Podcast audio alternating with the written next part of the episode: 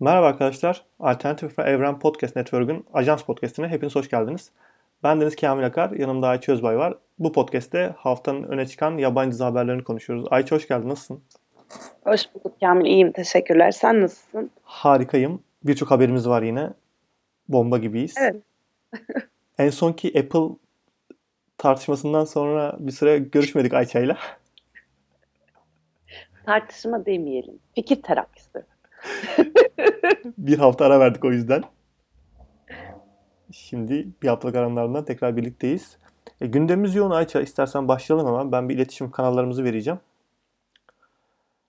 E, web, site, web, site, web sitesi adresimiz birzaber.com. Twitter'da Alternatif Evren ve Bir Zaber isimleriyle bize ulaşabilirsiniz. Mail adresimiz bdhmedia.gmail.com. E, Spotify'dan, iTunes'tan ve NYC Podcast servisinden bizi Alternatif Evren Podcast Network adıyla bulabilirsiniz. Ee, Ayça başlıyorum müsaadenle. İlk olarak e, bir olumsuz haberimiz var. Maalesef bugün aldığımız Netflix'in e, yeni ikinci Türkçe yapımı Atiye dizisinin çekimin e, setinden kötü bir haber geldi. E, biliyor musun detaylarını? Ben biraz bahsedeceğim de istersen senin e, görüşünü alayım ilk önce. Sen bahset sonra konuşalım. Ee, şöyle bir maalesef ölüm yaşandı sette. Ee, Sinema Televizyon Sendikası tarafından da bir ihmal olduğu öne sürüldü ve olayın yakından takip edileceği e, belirtildi bugün sosyal medyada.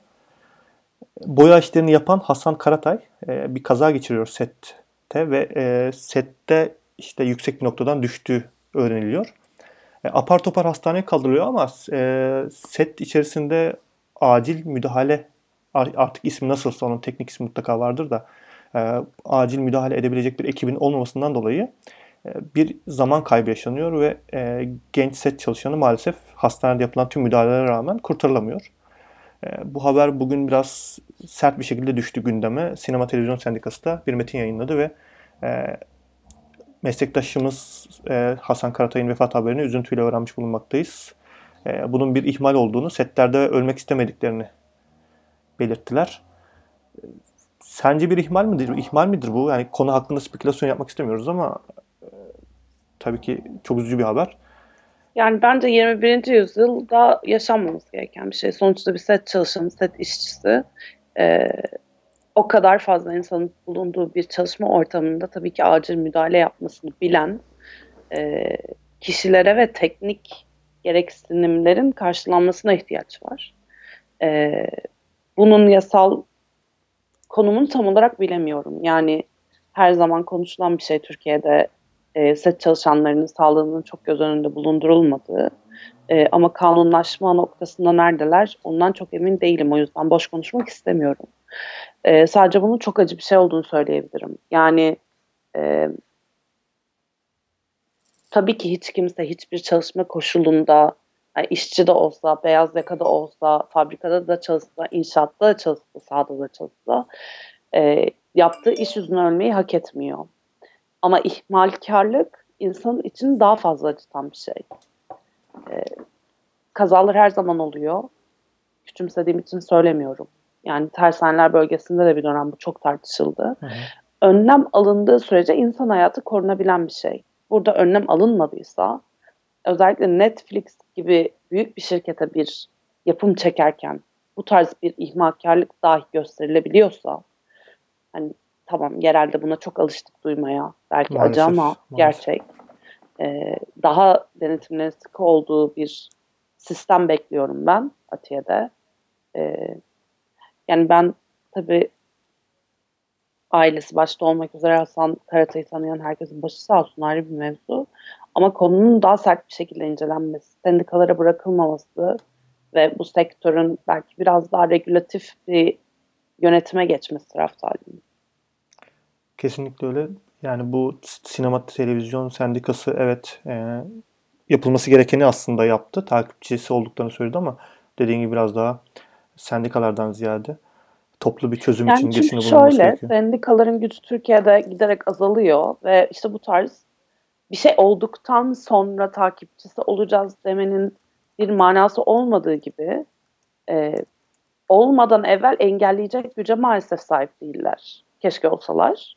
E, o yüzden burada daha farklı bir kamuoyuna belki ihtiyaç var. Ya da Amerika'da hatırlarsın bir dönem e, televizyon sendikaları Tabii. gene set çalışanlarının talebiyle bütün oyuncular da dahil olmak üzere greve çıkmışlardı.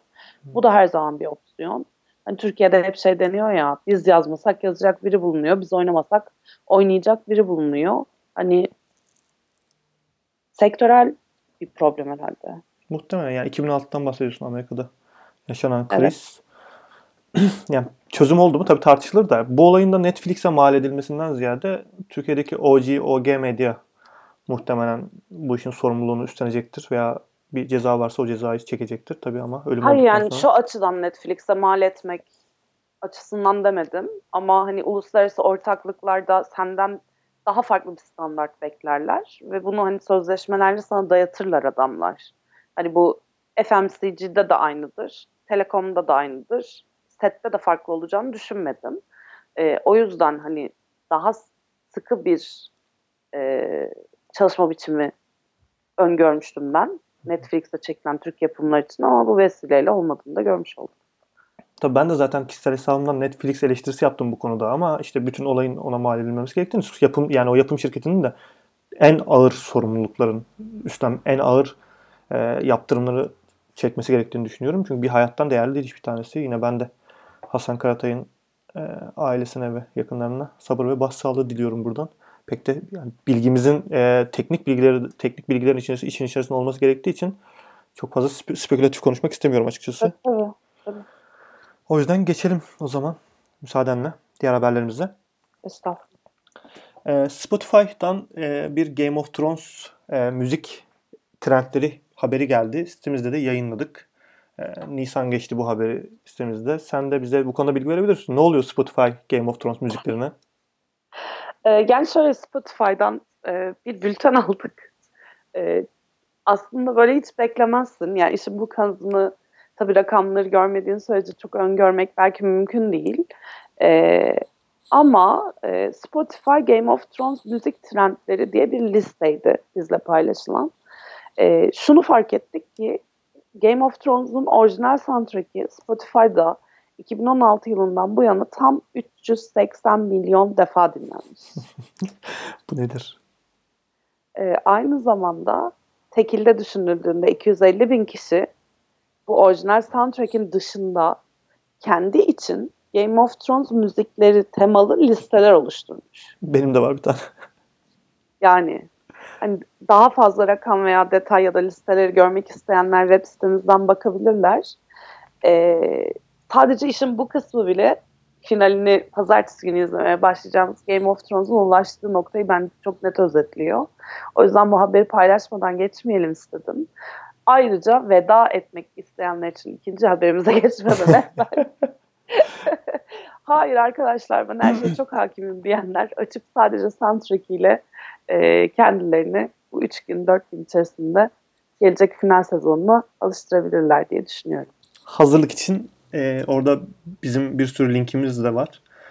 E, yani link dediğim şarkıların isimleri var. Dinlenebilecek main title'lar var vesaire. Yazıda bütün detayları bulabilirsiniz diyorum ve yine bir diğer Game of Thrones haberiyle Game of Thrones hype trenine bindik gidiyoruz. Bizim geçtiğimiz gün Twitter'dan paylaştığımız bir haber sitemizde de geçtik bunu detaylarıyla. Game of Thrones'un senaristlerinden Brian Cogman final sezonu öncesi tekrar izlenmesi gereken 21 Game of Thrones bölümünü açıkladı. Tek tek saymayacağım. 7 sezondan da 3'er 4'er bölüm var. 5. sezondan sadece bir tane. Bu da bize 5. sezonun ne kadar da gerekli olmadığını gösteriyor.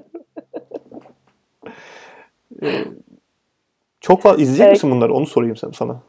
Efendim? Bunları izleyecek misin? Onu sorarak başlayayım sana. Ya bunları izleyeceğim. Çünkü biz dün öğlen yemeğinde konuşuyorduk arkadaşlarla bu konuyu. Ee, işte hangi hane ayaktaydı, hangisi ölmüştü, kızım o ölmüş müydü, yok canım o ölmemişti falan gibi tartışmalar içerisinde. ee, bir de tabii şöyle bir sıkıntı var yani romanlardan diziyi takip edip final sezonuna da dizide gelmiş olanlar da kafa karışıklığı çok büyük.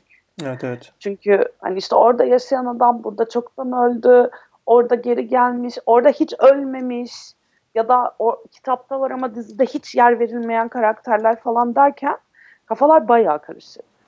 E, ve verilen çok uzun süreli bir ara var. Haliyle de son sezonda bile çok can can alıcı sahneler dışında unuttuğumuz bir sürü şey var. Ee, mesela biz bu, ben bugün başka bir habere denk geldim. Onu da araya sıkıştırmış olayım. Şimdi geldi aklıma. Ee, George R. R. Martin dizinin neden bu sezon final yaptığını anlayamadığını, daha senelerce devam edebilecek malzeme olduğunu açıklamış. Hani biz de şey diye konuşuyorduk. Ee, yani tamam malzeme var da abi nereye kadar çekecekler ki yani hani ömrümüzü Game of Thrones'a verdik zaten diye. Ee, sonra şöyle bir ne olmuştu gerçekten ya önceki sezonlarda diye baktım. Hani Jamie'nin Bren'i kuleden aşağıya ittiğini tamamen unutmuşum. yani daha böyle ilk sezon nasıl herkes o 21 bölümü izleyecek arkadaşlar değil mi? Ya, o yüzden ya. Hatırlatma gibi oldu ama şey yapmayayım. Ee, yani o adam mesela o sahnede ne kadar buz gibi bir katil değil mi? Sonradan ne oldu da biz bu adamı takdir eder ya da sever ya da ya yazık falan der olduk diye böyle hmm. kendimizi sorguladık. Yani. O yüzden bu 21 bölümün aslında finalden evvel izleyiciye çok şey katabileceğini düşünüyorum. Ama sıralamada düşünülmüş müdür sence? Mutlaka izlenmiştir de şimdi bir konu bütünlüğü olur mu bu bölümleri izleyince? Ben pek izlemeyi düşünmüyorum açıkçası. Yani konu bütünlüğü olmaz ama son sezonda izlediğin, izleyeceğin bölümler için bir altyapı oluşturur. Peki. Yani muhtemelen bu tavsiye edilen 21 bölüm zaten sana dizinin özeti gibi bir şey yaptık hadi bunları izle değildir. Tabii, tabii, bu 21 de. bölüm önümüzdeki hikayeyi tamamlayıcı bilgilere sahiptir. Sen önümüzdeki sezonu izlerken şey deme diyedir. Ne, ne e olmuştu? Niye yaptı ki? Bunlar nereden tanışıyorlar ki? Ya da işte aa falan o ölmüş müydü? Hani bu tarz hatırlatıcı anekdotlara sahip evet, diye evet. düşünüyorum. Biz bir Game of Thrones e, hazırlık için final sezon öncesi bir podcast yapmayı planlıyoruz zaten. Onda daha detaylı konuşacağımız için burada çok e, vakit harcamak istemiyoruz. O yüzden ben e, geçmek geçeceğim haberi eğer ekleyeceğim bir şey evet. şey yoksa. Çok biliyorum. Bunda da zaten Duygu yazdı sitede detaylı yani birdizaber.com'da e, detaylı olarak izlenmesi gereken bölümleri, bölümlerin isimlerini bulabilirsiniz deyip hemen yeni habere geçiyorum. Netflix tarafına geçelim bu sefer. Netflix İspanya Netflix Avrupa'nın ilk prodüksiyon merkezini Madrid'de açtı. Ve e, Netflix'in İspanya ile ortak geliştirilen ve prodüksiyon veya prodüksiyon aşamasında olan 40'ın üzerinde projesi olduğu da söyleniyor. İşte 13 bin kişiyle çalıştığı söyleniyor e, gibi gibi rakamlar var.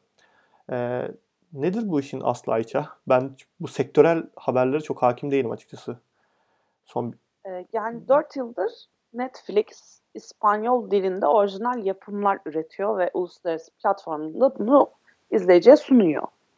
Ee, ama işte bu dört yıl içerisinde bu kanatta o kadar büyüdü ki şu an 40'ın üzerinde projesi var İspanyolca e, ve İspanyol ekiplerle yapılan. E, dediğin gibi 2018 yılında Netflix'in 13 bin İspanyola iş sağladığı biliniyor. Bu sayının 2019'da 25 bine çıkması bekleniyor. Haliyle adamlar gittiler İspanya'da bir prodüksiyon şirketi kurdular. Böylece e, Amerika'dan oraya birilerini göndermek, setle uğraşmak, onunla uğraşmak ya da her seferinde ayrı ayrı projeler için ayrı ayrı yerlere para ödemeyecekler. Orada bir şirketler olacak ve yerelde işi belki biraz daha e, rahat bir şekilde yönetecekler. E, mutlaka hani işte hükümetle, devletle, onunla bununla yapılacak işlemler için onlara kolaylık sağlayacaktır.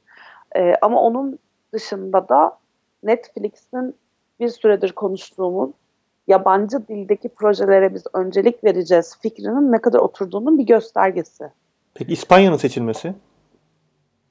Ee, İspanya'nın seçilmesi çok normal. Amerika'da çok İspanyolca çok yaygın bir dil. Ve dünyada Latin Amerika çok ciddi bir pazar. Tabii. Ve Amerika'ya yakın bir pazar. Ee, yani bir Türkiye gibi işte ne bileyim Avrupa gibi mesafeler kat etmen de gerekmiyor. Haliyle İspanyolca aynı zamanda dünya genelinde tabii, çok tabii. fazla. Yani o büyük nüfusları saymazsan, Çin, Hindistan'ı saymazsan ki saysan da en son en çok konuşulan... Saysan da yani globalde iki. yaygınlığı olmayan çok yerele sıkışmış diller. Tabii. Ee, ama İspanyolca öyle değil. İspanyolca ciddi manada bilinen, konuşulan bir dil. Zaten benim bildiğim kadarıyla dünyada en yaygın üçüncü ya da dördüncü dil. Evet, evet yani o yüzden dedim. Çin ve Hindistan nedeniyle o da. Hı hı. Ee, İngilizcenin ardından neredeyse en büyük global dil bilir kendisine. O yüzden şaşırtıcı bence değil. Bence de öyle. E, İspanyol yapımlarının başarısı da ortada aynı zamanda. Ve bu- Adamlar iyi dizi çekiyorlar. Ya bir de gerçekten globalde sanırım İngilizce dilden sonra en çok izlenen ki Güney Amerika'nın etkisi de var. Ben öyle biliyorum. Yani globalde dediğim gibi yerele sıkışan Çin, Hindistan gibi e, yerel diller hariç en fazla konuşulan dil İspanyolca diye biliyorum. Evet evet öyle. E, o yüzden bence şaşırtıcı değil dediğim gibi. Yani orada çok ciddi bir potansiyel vardı. Çok hızlı bir şekilde yakaladılar. Çok güzel projeler çıkarttılar. Yani olabilir, deneyebilirlerdi, başaramayabilirlerdi. Projeler globale hitap etmeyebilirdi. Ama öyle bir problemleri de yok. Çok iyi yıldızlarla da çalışıyorlar. Ve izleniyor. Biz de oturuyoruz izliyoruz. Yani, Tabii tabii yani şaşırtıcı gelmedi bana. Bu Netflix'in- arada evet. prodüksiyon şirketinin detaylarını paylaşırlarken aynı zamanda iki tane de yeni proje açıkladılar. Onları söyleyecektim Ee, ben de. Bunlardan bir tanesi El Inocente 8 bölümden oluşan bir dizi. Ee, polisiye detaylarına sitemizden ulaşabilirsiniz. Netflix'in İspanyol prodüksiyon şirketi yazısının altında var. Ee, bir de Los Favorites de Midas. O da 6 bölümlük bir e, mini dizi olarak tasarlanıyor. Ee, Aslında bir yapımları uyarlama. sev- sevdim ben Netflix'in diyenler mutlaka bakacaklardır. Evet. Ee, 40'ın üzerine çıktılar yani. Evet. İnşallah Türkiye'de böyle bir rakamı bir ara yakalayacak. Bu ayrıca ilk bölümdeki yani ilk başta bahsettiğimiz üzücü haberle de bağlantılı. Yani bir belki prodüksiyon şirketi diğer dünya ülkelerinde de açılırsa bir e, eşit güvenlik şartları da sağlanabilir diye düşünüyorum. E tabi yani kendi ismini bir şeyin başına koyduğu zaman Netflix bugün Türkiye'de herhangi bir prodüksiyon şirketine sağladığı özgürlüğü burada çalışanlara sağlamayacaktır. O güvenliği istesen de istemesen de uygulamak zorunda kalırsın. Evet. Bir sonraki haberimize geçiyorum hızlıca. Ee, La Casa de Papel ve The 100 ile ilgili yeni fragmanlar yayınlandı. Ben La Casa de Papel'den artık o kadar e, rahatsız oldum ki fragmanı daha izlemedim. Rahatsız oldum derken. Yani e, çok boostlanması Netflix tarafından işte her yerde piyasa dizisi olmasından kaynaklı böyle marka dizi olur ya marka dizi olmasından rahatsız oldum. Ve yeni sezonu Game izlemeyi düşünmüyorum. markası değil mi? Şöyle. e, çok güzel bir hikaye. Güzel çekildi. Orijinal bir hikaye. E, ve gerçekten planlanan şekilde bitti. Hikayeyi bitirdik. Bu kadar e, buslanmasından sonra bizim izle izle izle izle diye verilmesinden sonra zoraki izletildi resmen o dizi. Ben böyle oturup da La Casa de Papel keşfedip izlemedim. E, bundan sonra 3. sezonun Üçüncü sezonun üçüncü sezonun çekilmesi çok rahatsız etti beni. Yani üçüncü sezon diye bir şey yoktu. Ben yeniden soracağım. Neden rahatsız oluyorsun? Bilmiyorum yani. e, Ama belki seni rahatsız eden şey nedir yani? üçüncü sezonun çekilmesi. Neden? E bitti dizi. Adam öldü. Hangi adam? Ya spoiler vermek istemiyorum. Öldü mü acaba? E İşte yani. Aşk hikayesine döndürdüler sonrasında. Döndürdüler mi acaba? Hayır yani bence şöyle bir şey var. Şimdi La Casa de Papel gerçekten hiç beklenmeyen bir çıkış yaptı ve çok zeki bir hikayesi olduğuna katılıyorum. Yani şöyle zeki, bazı yerlerde Türk filmleri gibi arkadaş artık çüş ama bu kadarı da falan dediğimiz anlar olmadı mı? Oldu. Ama bu da işte Latin Amerika'ya has, Türkiye'de olduğu gibi sevilen bazı janra e, klişelerin oraya sokulmasından kaynaklanıyordu. Benim Netflix'le birlikte edindiğim daracık İspanyol e, kültürüne dair, dizi kültürüne dair bilgilerin çerçevesinde aşk olmadan dizi olmuyor. Ama o hangi ülkede oluyor ki? Yani bence La Casa de Papel'i aşk hikayesine çevirdiler. Çok mesnetsiz bir yorum. Gene yargı dağıttın. Tabii ki. Ee, üçüncü sezonda ne işleyecekleri konusunda en ufak bir fikrimiz yok. Ama şey düşünsene Fast and Furious franchise'ı böyle dünya genelinde korkunç para kazanıyor ve deli gibi hayranı var. ee, e, ilk filmin sonunda zaten konu bitmişti yani. Ya ben bunu zaten sığ, sığcı... 10 defa hapse girdi, hapisten çıktı, öldü bilmem ne. Adam gerçekten öldü hala devam ediyor yani. Hayır hayır ben zaten yorumun çok sığ olduğunun farkındayım. Tamam o zaman. Ama e, yani çok kişisel bir şey. Benim gibi düşünenlerin de olduğunu biliyorum. La Casa de Papel Ya işte ekşi sözlükmüşsünüz oğlum. Beğenmiyorsunuz. hani böyle bir şey güzel olduğu zaman ille böyle Aa, ama burası da olmamış dostum falan demeniz lazım ama yani Hayır ortada canım. öyle öyle bir şey yok. Çünkü daha şunu dersen anlarım. Üçüncü sezonu izleriz. Böyle çok leş bir üçüncü sezon izleriz. Abi keşke hikayeyi orada bıraksalardı da ne kadar efsaneydi. Bak şimdi gördün mü? Lost gibi bu finalle hatırlayacağız deriz. O zaman haklı olursun. Ama daha izlemeden peşinen bu beni çok rahatsız ediyor falan. Şöyle ama mesela bak ön yargıyla yaklaşmıyorum. İşte dizi çok kötü olacaktır kesinlikle demiyorum. Hikaye çok güzeldi. Yani 3. sezonun gelmesi hepimiz için sürpriz değil mi? Böyle bir şey beklenmiyordu. Tamamen dediğin gibi bir marka yaratıldığı için bu markadan e, bunu gelire dönüştürme, işte franchise'ı daha çok satabilme hikayesine dönüştü iş. E, bu e, aç gözlük beni biraz rahatsız ediyor her konuda. Mesela bitmiş bir hikaye ise o hikayenin bit, bit, o bittiği yerde bitmesini ben tercih ediyorum. Gerçekten La Casa de Papel bittiğinde çok mutlu olmuştum ben. Sonu iyi olsun kötü olsun o önemli değil. Hikaye gerçekten tamamlayıcıydı. Evet içerisinde dediğin gibi abartılı yerler vardı. Ee, yok artık dediğimiz anlar oldu ama hikaye çok başarılıydı ve çok da güzel bitti. Bitti yani hani adı üstünde bitti. E sonrasında öğrendik ki işte her yerde boostlandı, herkes bir hype'landı falan La Casa de Papel'e. Herkes izledi ama herkes yani hani ta- tanıdığım herkes izledi. E, tamam da e, Kamil sonrasında- yani. Ah, hadi bakalım biz bir daha ama şimdi şöyleydi. Lost birinci sezon dördüncü bölümdeyken ikinci sezon onayı geldi. İkinci sezon üçüncü bölümdeyken üçüncü sezon onayı geldi vesaire. Belliydi gideceği yer. Hikayenin gideceği yer belli. Uzatabildikleri kadar uzatıyorlardı ama bu e, lokal bir hikayeydi ve bitmişti. Yine yargıda attık. Hadi bakalım. Sen de attın. Ben peki deyip kenara çekildim farkındaysan. Farkındayım. Neyse bunu Beni kendimle birlikte o kuyunun dibine çekmedin. tamam tamam ben La Casa de- The Hundred'dan bahsetmek istiyor musun? Ee, yo zaten onu takip edenler ediyorlardır. Bilenler biliyorlardır. Trailer geldi. Kaçırmayın. Siteye gidin bakın demek istiyorum. Çok da güzel bir trailer olmuş. Biraz da uzun tutmuşlar. Neyse şimdi konuşmaya başlarsam 10 dakika hafizde de yok. Vazgeçtim. Yeni haberimize geçmek ister misin? Çok isterim çünkü sektörel bir haberle geliyoruz. Yine e, geçtiğimiz haftalarda biz bol bol Apple TV Plus'tan bahsettik. E, bugün de buna benzer bir haberle karşınızdayız. Disney Plus. Ya bu Plus olayını biri bana açıklasın yalnız. Yani niye Plus? Ya gerçekten bir de yani Plus'lı projeler daha önce tutmadı. Hani Google Plus falan bahsettik ya. Plus'ın Hayır, bir de şey böyle TV Plus var ya Türkiye'de. Anladın mı? Aslında Plus'ın ilk çıkış noktası Türkiye. Onu ben yok şey var ama değil mi? Kanal Plus Fransız. tabii Channel, Channel Plus var evet. Neyse. Yani sonuçta bu Plus trendini çok anlamış değilim. Ee, herhalde şey hani biz Disney'dik şimdi daha fazlasıyız. Apple'dık şimdi daha fazlasıyız gibi. Veya işte Netflix pazarı yani daha böyle dijital pazar daha e, havalı bir şeyler ya. Yani Disney TV olamazdı muhtemelen. Disney Plus. Yani bir haberi verelim. İşte yeni çevrim içi platform Disney yeni çevrim içi platformu Disney Plus'ı bu yılın son çeyreğinde yayın hayatına başlayacağını duyurdular. Ee, bu dijital pro- pro- platformla Netflix'e karşı ciddi bir rakip olmaya karar vermişler. Sonbahar sezonuyla birlikte yayına geçmesi planlanan Disney Plus üzerinde yayınlanacak bazı yapımların potansiyel kullanıcıların ilgisini platforma çekebilmek için Netflix'ten geri çağrılması da planlanıyormuş. Netflix'te anlaşılan projelerdir muhtemelen. Bu yazının giriş cümlesiydi. Ar- Arzu'nun çevirdiği e, sektörel haberi e, sitemizde detayları var. Senin eklemek istediğin ayrıntılar Hep vardır. böyle olmuş farkında mısın? Haberleri geçmişiz hep sitede var sitede var diye görüyorum.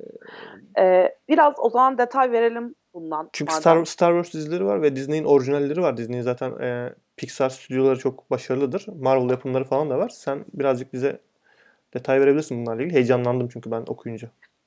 Ee, yani sadece o değil. F- Disney'in son yaptığı alımla birlikte FX, National Geographic, ABC, Freeform, Disney Channel'ın da kanalın bünyesinde olduğunu düşünürsen aslında çok geniş bir yelpaze sunacak izleyicilerine.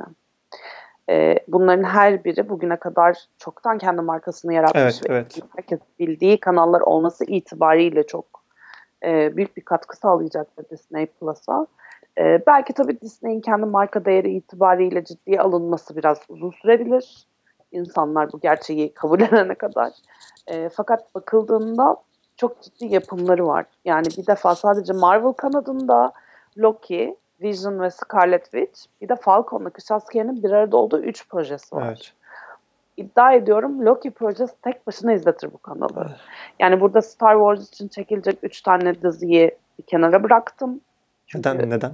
100 özellikle mil- yeni efendim Neden? 100 milyon dolarlık bir proje var bir tane. Ee, The Mandalorian. Hayır yani şey açısından bırakmadım zaten göz ardı edebiliriz bunu gibi demiyorum. Ee, sadece Star Wars evrenine dair her şey çok kolay beğenilmiyor Hı, evet. haliyle. Ee, orada kanal zorlanabilir ama işte Loki gibi bir projede o kadar zorlanmayabilir. O açıdan söyledim. Hem zaten çok taze hem zaten bir sürü evrenle destekleniyor. Şu an sinemada var, televizyonda var. İşte her bir karakterin bir kanalda bir şey var ve insanlar hala almaya devam ediyorlar. Satacağı garanti olduğu için dedim. Evet, evet. Diğer kanatta hani Star Wars kanalı zorlayacaktır. Çünkü çok mükemmel bir şey yapmaları gerekir. Filmler bile beğenilmedi. Son çıkan filmler. Ya bu First Order, First Order'dan Order'ın doğuşundan öncesinde bahsedeceği için biraz daha özgür veya rahat olabilir. E, main story'den o, bağımsız o olacak. özgürlük bence çok sevilmiyor Star Wars taraftarları tarafından. Bence de öyle. Ben de pek hoşlanmıyorum ama Ee, o yüzden o taraf biraz daha eleştiriye açık ama çok büyük potansiyel tabii ki var. Bu tarafta Marvel bence çok kuvvetli bir savaş şeyi veriyor. Silahı veriyor. Ki- ki Netflix'te Yani bıraktı. şey, şey diyebilirim sana. Apple TV için nasıl hep şey diye konuştuk. Lord of the Rings'e 1 milyar dolar ayırdı adamlar dedik. Amazon. Yani Lord of the Rings tek başına Ya a- şey Apple TV Plus dedin de Amazon. Ha pardon ya evet doğru haklısın. Ee, Amazon tek başına alır götürür doğru muyum? Tabii ki kesinlikle. Yani markalaşmış bazı şeyleri alıp kendi bünyene katmanın tabii ki bir yararı var. Hı Ee, onun dışında 17 proje açıklandı. Ee, bu 17 proje yani 17 proje ama bunlar daha ziyade bizim şov olarak tanımladığımız şey yemek programları olsun, e, seyahat programları olsun, e, işte ne bileyim birilerinin ev aldığı, ev Re- reality. programlar olsun. Yani reality de denilebilir mi çok emin değilim. Ee, ama hani bu tarz şovlar, eğlence programları. Sadece aralarında bir tanesi benim çok ilgimi çekti. Ee, o da Marvel'la ilgili antoloji belgeseli olacak bir tane. Wow. Ee, o bence mesela tek başına gene çok çok iyi düşünülmüş bir şey. Ve bunu da tabii ya zaten Marvel'ın yayın haklarını elinde bulunduran kanal yayınlamayacak. Ben mi yayınlayayım? Tabii. Ee, bu açıdan Disney Plus gelecek vaat ediyor diyorum. Ben de ilk Ee, defa kalan detaylar için yazıya bakabilirler. ben de ilk defa ne güzel ya böyle program. Değil mi? Güzelmiş. Ee, ilk defa şunu düşünüyorum. Ee, çok daha Apple TV ile kıyaslıyoruz tabii ki. Bize duyurulan veriler şu an son iki proje. Apple TV Plus'ta Disney Plus. Bu ikisini karşılaştırdığım zaman Apple TV'ye göre çok daha ayakları yere basan, projelerin çok daha isimleriyle böyle e, güçlü güçlü anlatan, konusunu veren ve hangi dönemde geçeceğini anlattığı için Disney Plus e, ki Netflix'ten de projeleri işte Mar- Marvel dizileri mesela e, Netflix'ten çıktı. Şimdi onlar üzerinde de söz sahibi olacak. Bence çok ciddi bir şekilde Apple TV Plus'tan daha ciddi bir şekilde değerlendirilmesi ve beklenmesi gerektiğini düşünüyorum bu sonbahar için. Benim için hani Apple TV Plus'tan ziyade Disney Plus daha beklenilecek bir proje. Bu sonbaharda diyorum. Fiyatlarla ilgili bir şey gördün mü? Ben bulamadım. Yok görmedim. Ben de görmedim. Onu da artık e, sonbahara doğru öğreniriz. E, bir sonraki haberimize geçiyorum. Fleabag e, yeni sezon geldi. ikinci sezonu geldi uzun bir aradan sonra. Aslında işte e, gündelik hayatı anlatan Londra'da tek başına kendi ayakları üzerinde durmaya çalışan bir e, güçlü kadın hikayesi. E, böyle aşk, aile ve iş hayatını yaşadığı gündelik olayları ele alıyor genelde Fleabag ve Amazon'un dizisiydi. 2016 yayında bir 2016 yılında birinci sezonu yayınlandı. Ben hayranlıkla izledim ki bu e, bahsettiğim türü yaratan dizilerden bir tanesidir bu. Bir tanesiydi bu. E, 2016 yayınlandıktan sonra uzun süre yayınlanmadı. Tam bir klasik e, İngiltere yapımı olduğu için Evet. 3 sene beklemek zorunda kaldık. 2019'da şaşırtıcı bir şekilde yayınlandı. Hiç beklemiyordum artık. Ben ümidi kesmiştim. Son sezonu da ikinci sezonu da çok başarılı gerçekten ve e, ikinci sezonu final sezonu olduğu duyuruldu. Birkaç yer iptal edildi gibi haber oldu. Haber, haber okudum ama o iptal edildi biraz daha e, çeviriden kaynaklanan bir hata olarak düşünüyorum ben. E, ip, iptalden iptalden ziyade final sezonu olarak değerlendirebiliriz bu sezonu. E, final sezonu olacak ikinci sezonu. İzlemeyenlere de önerebilirim. Gerçekten çok başarılı bir iş. E, Phoebe Waller-Bridge ayrıca yönetmeni ve oyuncusu işi, projenin. İzlemeyenlere öneririm. Başarılı iki sezon. Başarılı bir dizi. Bir sonraki haberimize geçiyorum. American Horror Story 9. sezonuyla ilgili e, sezonun ismi ve içeriğiyle ilgili bilgiler geldi. Paylaşmak ister misiniz bizimle Ayça? 9. sezonun adını e, koymuşlar nihayetinde hı hı. arkadaşlar. E, American Horror Story tabi özellikle bu antolojiyi sevenler için çok e, büyük şeyler ifade ediyor. 1984 oldu 9. sezonun adı. E, bir tane de ufak teaserımsı bir şey yayınlamışlar. Böyle 80'lere geri döndükleri anlaşılıyor. 80'lerin çok ünlü böyle korku dizilerinden ya da filmlerinden alıntılar, ufak ufak göndermeler var teaser'da. E, yani şahsen ben korku türünün çok ciddi bir takipçisi değilim. E, fakat 1984 ismi zannediyorum herkes de bende çağrıştırdığı gibi e, ünlü romanı çağrıştırmıştır. Bakalım evet. bilmiyorum yani. Sen izliyor muydun American Horror Story? İzledim. Ee, korku türü hitap etmiyor bana. O yüzden çok da ısrar etmedim üzerinde.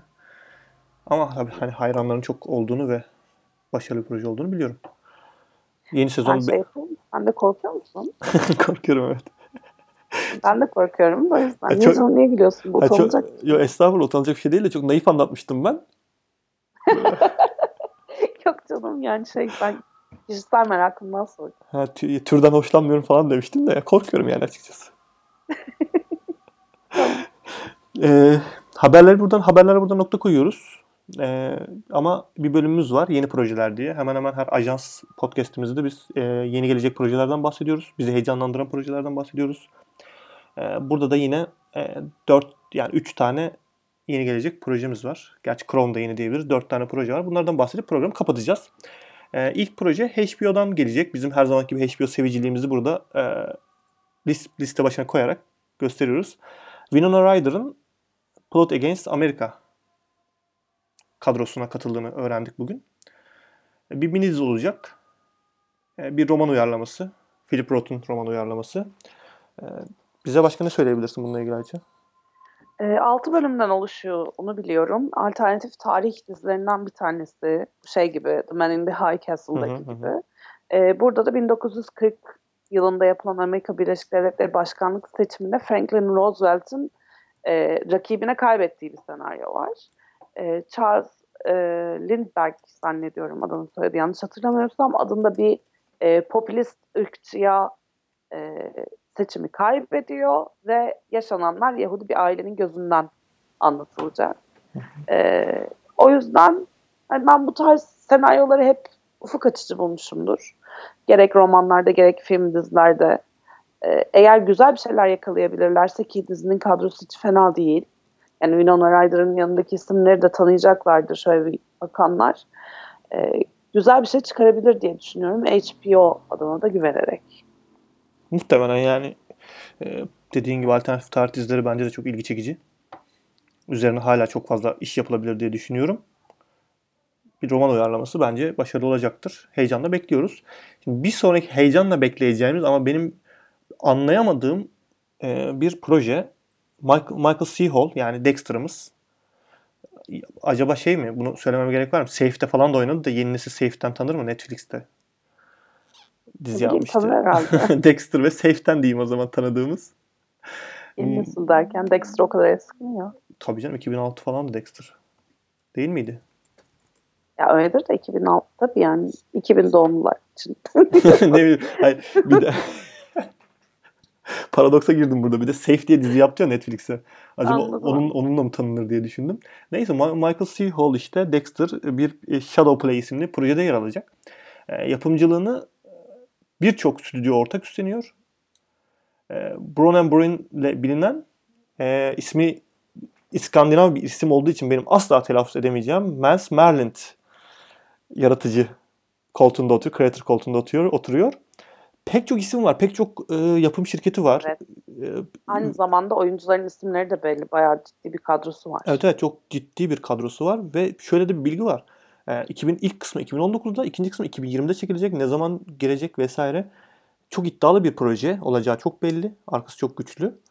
Ee, ben ama kafam karıştı açıkçası. 1946 yazında savaş sonrası bir atmosferde e, işte geçecek. Yani şöyle e, bir kere Berlin'de çekilecek. 1940'lar Berlin dediğin gibi İkinci Dünya Savaşı sonrasını anlatacak.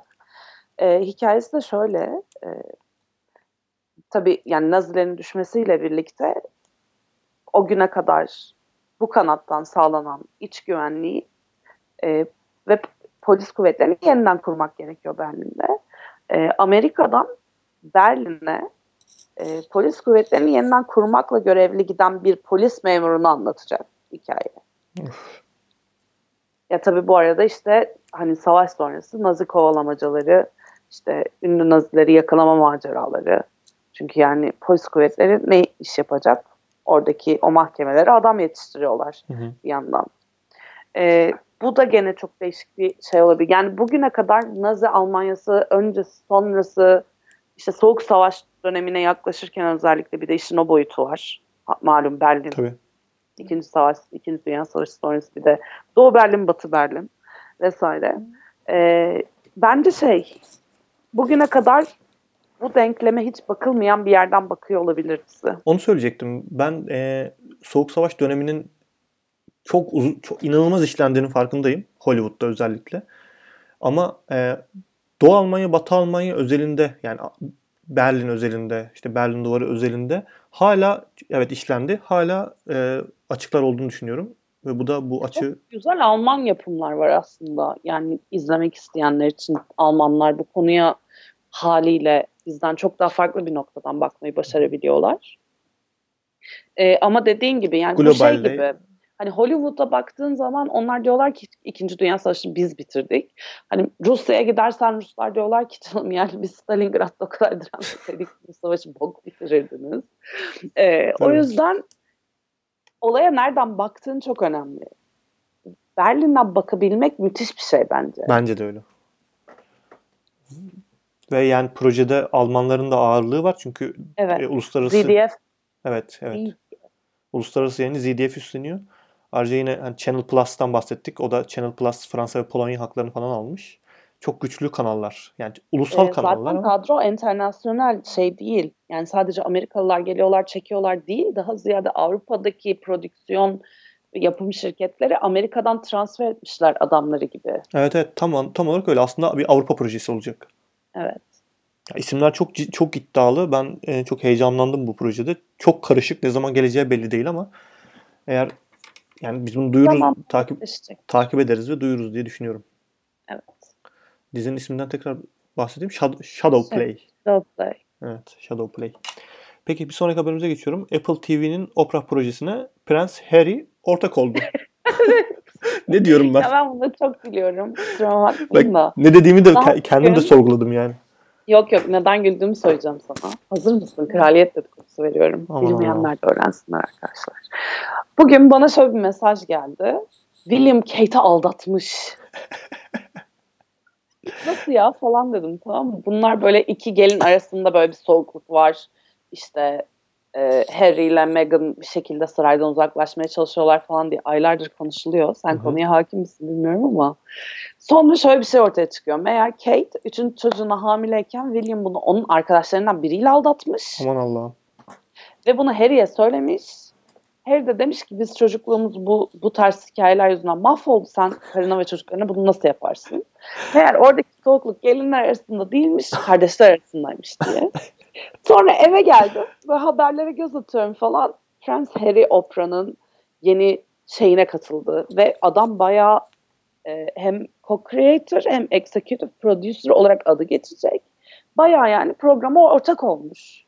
Ya, Ee, e, işte hani akıl sağlığıyla ilgili Ha, onu soracaktım. benim çalışmalarım vardı vesaire de öyle bir açıklaması da var. Ama bu dedikodunun üzerine bugün bu haberi gülmeden okuyamadım. o zaman şu- şunu söyleyebilir miyiz? Bir sonraki haberle de bağlantılı olsun. E, Crown dizisine daha çok konu var galiba. Yani Crown, so- Crown kraliyet hikayeleri sonsuza kadar gidecek gibi. Ha tabii canım. Günü, günümüz dedikodularına kadar gelecek gibi düşünüyorum ben. Ee, bir sonraki haberimiz de bununla bağlantılı. Ee, Crown'da yeni sezonda Emma Corrin Prens Diana'yı canlandıracak ve e, diğer oyuncu kadrosu da hemen hemen belli. Yani zaten Elizabeth'i Olivia Colman'ın oynayacağını biliyorduk. Hı hı. Keza Philip'i Tobias Menzies'in oynayacağını biliyorduk. Ee, Margaret'ı Helena Bon Bonham Carter. Car- Carter mıydı o evet evet Helena? Bonham Carter. Zaten hani bence kadroya baktığın zaman müthişti. En son Margaret Thatcher'ı Gillian Anderson'ın oynayacağını öğrenmiştik. Evet. Şimdi beni şaşırttı bu Emma Corrin olayı. Çünkü hani bu kadar bilinen isimleri bir araya toplayıp Prenses Diana'yı bugüne kadar çok az tanıdığımız ufak bir kızın eline teslim etmek enteresan bir tercihti bence. Evet doğru. Ee, ama tabii onar yıllık dönemleri anlattığı için The Crown belki hani işte ilişkilerin ilk dönemi vesaire daha böyle masum işte çok böyle ne bileyim detayına da inmeden e, bir şey yapacaklarsa iki karakter yani gerçek prensesle Emma Corrin arasındaki fiziksel benzerlikle dikkat çekiyor gerçekten. Evet ya. Evet. Yan yana konulan fotoğrafta ben etkilendim açıkçası Emma Corrin. ne katıldım yani o seçime. Yani seçime tabii kadının oyunculuğunu gördükten sonra bir daha konuşmak lazım. Doğru Ama söylüyorsun, kendisi de çok heyecanlı olduğunu söylemiş. Hani Prenses Diana'ya haksızlık etmemek için elimden geleni yapacağım falan demiş. o yüzden e, kendisine bol şans dileyelim. Daha- Crown'da e, önümüzdeki sezon kadrosuyla bence şu an izleyeceğimiz diziler arasında gerçekten parlıyor. Ya Crown isminden bahsedince bile benim tüylerimi ürperiyor. Öyle bir dizi Crown zaten. Yani beni çok etkiler, çok etkiledi şu ana kadar yayınlanan bölümleriyle. Dediğin gibi kadro da ya inanılmaz bir yere gitti artık. Ben çok Ya bir heyecanlıyım. de şeydi yani mevcut kadroya o kadar alışmıştık ki öf ya bunların yerine kim gelecek şimdi hı falan diyordum mesela ben. Ama Olivia Colman zaten başlı başına bir şey. Ya Claire Foy'dan sonra ben de düşündüm. Ya da o, tamam izlemeyiz muhtemelen bundan sonra. Narcos gibi olur dedim ama bu seferki seçimler çok iddialı. Yok yok çok güzel oldu. Helena Bonham, kadro ya değil. Pre- Princess Margaret için de Helena Bonham Carter bence çok daha başarılı bir seçim.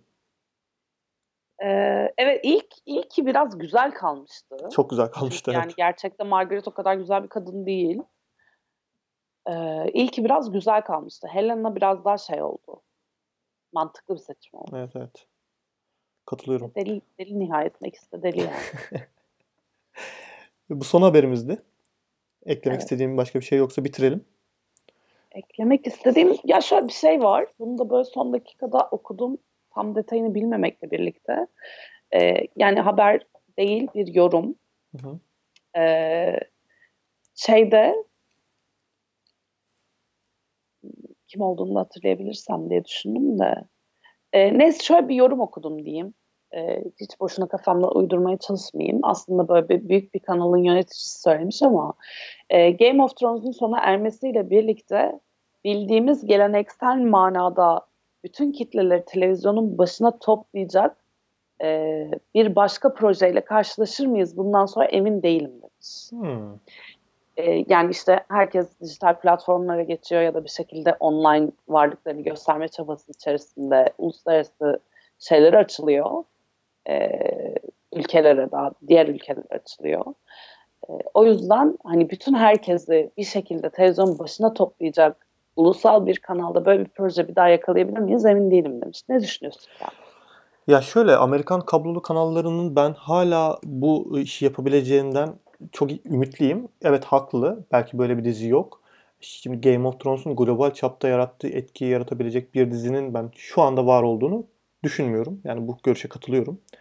Şimdi Netflix gibi dijital platformların, Amazon gibi dijital platformların da izlenme sayılarını açıklamadığı için e, bu e, etkiyi biz sadece çevremizle ölçebiliyoruz veya işte sosyal medyayla ölçebiliyoruz. O da sosyal medya da aslında kendi çevremizden ibaret. Katılıyorum buna kesinlikle. Ancak Amerikan kablolu kanallarının hala çok büyük gücü olduğunu, hala çok büyük paralarının olduğunu, bu işe yatıracak çok büyük para yani çok büyük zamanlarının ve paralarının olduğunu düşünüyorum. Ee, Game of Thrones'un spin-off'ları gelecek. İşte e, birçok yeni proje var. HBO, Showtime, FX, envai çeşit kablo, kablolu TV'nin. Yani ben ümitliyim. Evet yok şu anda ama ümitliyim. Sence de bitti mi peki kablolu TV'den dizi izlemek? Ya daha iki gün, üç gün evvel şey diye konuşuyorduk. Ee, yani kendi aramızda. Bir daha böyle bir dizi yakalayabilecek miyiz acaba? Yani işte bir Lost, Lost furyası vardı. Ben Lost'la Game of Thrones'u birbirine çok benzetiyorum. Yani Game of Thrones'a haksızlık yaptığımı söyleyenler mutlaka olacaktır. Ama izleyicide yarattığı bağlılık, hava, merak ve işte arkasının gelmesi arzusu Hı hı. bence çok benziyordu iki dizinin. Ha, böyle bir şey bir daha yaşadığımız süre boyunca acaba görebilecek miyiz? Ben merak ediyordum zaten. Üzerine adam da böyle ya işte gerçekten geleneksel manada bunu kaybediyor muyuz acaba dediğinde şey gibi bir durum bizi çok fazla ilgilendirmiyor. Yani zaten HBO dizisi Game of Thrones. Hı hı. Türkiye'de yayınlanıyordu ama geç yayınlanıyordu. İşte biz malum yerlerden yakalıyorduk. Sonra işte Türkiye'deki yayıncı dedi ki abi bu iş böyle olmuyor. Vaksinde de yayınlayayım ben bunu. İşte İngilizce bilenler sabah 5'te kalkacaklar izleyecekler mesela. Ee, bir kısmı. Hı. Benim tanıdığım insanların bir kısmı. Ee, bilmeyenler altyazı için gene bekleyecekler vesaire vesaire. Yani zaten hani böyle dünya genelinde herkese ekran başına taşıyordu aynı anda diyemeyiz. Ama mu- Aksine Netflix, aksine Amazon, aksine Apple TV. Bunların bunu başarma şansı daha fazla. Çünkü altyazıyı önceden hazırlama imkanına sahipler. Prodüksiyonu kendileri yapıyorlar, kendileri yayınlayacaklar. Bir aracı kurma ihtiyaçları yok. Dünya genelinde biz bunu her akşam 8'de yayınlayacağız diyebilirler mesela. Ve herkes kendi saat dilimine göre akşam 8'de geçip o diziyi izleyebilir. O yüzden belki daha fazla, daha büyük kitlelere ulaşan yapımlar olabilirler önümüzdeki günlerde. Ee, aynı heyecanda uyandırır mı dersen, belki de bir şeyin önüne o kadar hazır gelmesi insanda evet onu bir söyleyecektim ben de. doygunluk hissi yaratıyor. Onu söyleyecektim. Ya izleme alışkanlıklarının değişik olmasından kaynaklanan bir şey bu. Ben bunu hep savunuyorum zaten. Ee, Sık sık da bahsediyorum kendi aramızdaki konuşmalarımızda. Bir dizinin her hafta belirli bir gün yayınlanması, o diziyi beklemek, bir bölümü izleyip diğer bölüm hakkında teoriler üretmek, Evet. topluluk olarak konuşmak, kendi aramızda değil, işte tüm sosyal medya olarak işte forumlarda, sözlüklerde, Twitter'da, Facebook'ta vesaire bunları konuşmak apayrı bir kültürdü. İşte Çünkü düşünmeye vaktin oluyordu. Evet. Düşünmeye vaktin olunca kritik etmek çok daha değerli bir şey haline geliyor. evet evet. Ee, seni bir sonraki hafta oraya hala oturtabiliyor olması bir dizinin seni 10 bölüm bir şeyleri izlemeye zorlamasından daha değerli. Evet bence de öyle. Ya ben bugün 4 tane Netflix dizisine başladım. Gerçekten çünkü uzun süredir evde olmadığım için bayağı içerik birikmiş. Ee, bir sürü Netflix dizisine başladım ama her hepsinin sonunda şöyle dedim. Ya abi 9 bölüm bu izlenir mi ya? Değil mi? Yani ne ara izleyeceğim ben bunu? Mesela ama bunu mesela daha pilotunu verseydi sadece izledikten sonra ben değerlendir değerlendirirdim. Ha güzel olmuş veya kötü olmuş. Evet takip ederim ben bunu diye listeme alırdım mesela. Her haftada beklerdim onu. E tabi bu kocaman dijital platformlar bunların araştırmasını geliştirmesini yapmıştır. Kullanıcıyı içeride tutmak için de. Benim için yapmıştır zaten. Allah aşkına hep söylüyoruz Netflix'te hemen arkası bölüm, hemen arkası bölüm, hemen arkası bölüm olmasa kaçımız Dark izlerdik ha, tabii ya da Rain'i izlerdik. bırakmıştık Yani- çoktan. Bırakıp gitmiştik. Ya ama işte Hele o Dark yarabbim ömrüm gitti. ama geleneksel dizi izleme yöntemi olarak dediğin gibi Game of Thrones'u sabah 5'te oturup izlemek bence gerçekten daha keyifli. Veya işte altyazıyı beklemek, onun için bir e, emek vermek, bir uğraş vermek daha keyifli şeyler. Üzerine tartışacağız mesela. Birinci bölüm yayınlandıktan sonra podcastler yapacağız, forumlarda konuşacağız, te- teoriler üreteceğiz falan filan. Nasıl öldü falan diye. Değil mi ama? Bu sezon böyle şey gibi geliyor bana. Bir kan banyosu gibi. Evet evet öyle olacak gibi gözüküyor. Her bölümde beş tane karakterin öldüğü. Aa falan. E, güzel bak bence bu güzel bir şey. Bir yandan izleyip bir yandan podcast falan mı yapsak? Can, canlı podcast. Olabilir. Peki o zaman. Ee, bununla da bitirelim. Bu geleneksel izleme yöntemlerini ayrıca bir podcast'te konuşmamız gerekecek gibi düşünüyorum. Çünkü ben çok doluyum bu konuda. Öyle mi? evet. Peki o zaman. Teşekkür ederim Ayça. Ben teşekkür ediyorum Kamil. Haftaya yine Ajans podcast'imizde görüşmek üzere. Hoşçakalın. Hoşçakalın.